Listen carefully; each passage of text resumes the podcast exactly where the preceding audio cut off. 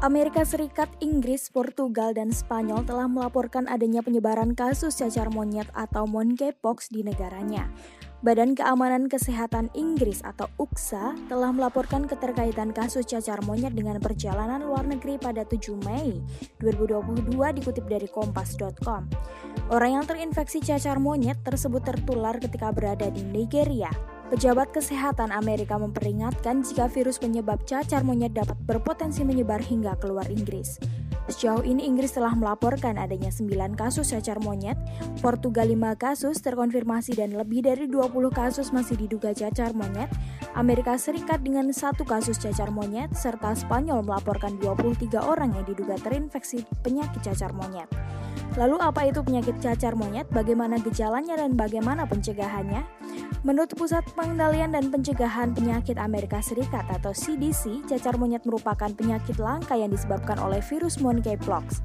Virus ini termasuk dalam genus Orthopoxvirus dalam famili Poxviridae. Kasus infeksi cacar monyet pertama kali ditemukan pada 1958 ketika dua wabah mirip cacar menginfeksi koloni monyet yang dipelihara untuk penelitian.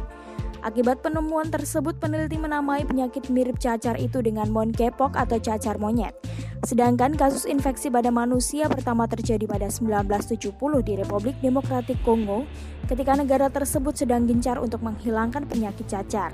Sejak saat itu, cacar monyet telah dilaporkan menginfeksi manusia di negara-negara Afrika Tengah, Barat, dan lainnya. Selain di benua Afrika, kasus infeksi cacar monyet juga ditemukan di berbagai belahan dunia seperti Amerika Serikat, Israel, Singapura, dan Inggris. Lantas penyebab cacar monyet dikutip dari laman WHO hingga saat ini sumber alami cacar monyet masih belum diketahui. Namun spesies hewan pengerat Afrika dari berbagai spesies monyet diduga berperan dalam penularan. Penyebab penularan cacar monyet dapat terjadi ketika manusia melakukan kontak langsung dengan hewan yang sudah terinfeksi. Selain itu penularan juga dapat terjadi karena manusia mengonsumsi hewan yang terinfeksi dengan cara pengolahan yang tidak baik. Orang yang tinggal di dekat kawasan hutan Afrika juga memiliki kemungkinan terinfeksi cacar monyet dari berbagai hewan walaupun kemungkinan itu rendah.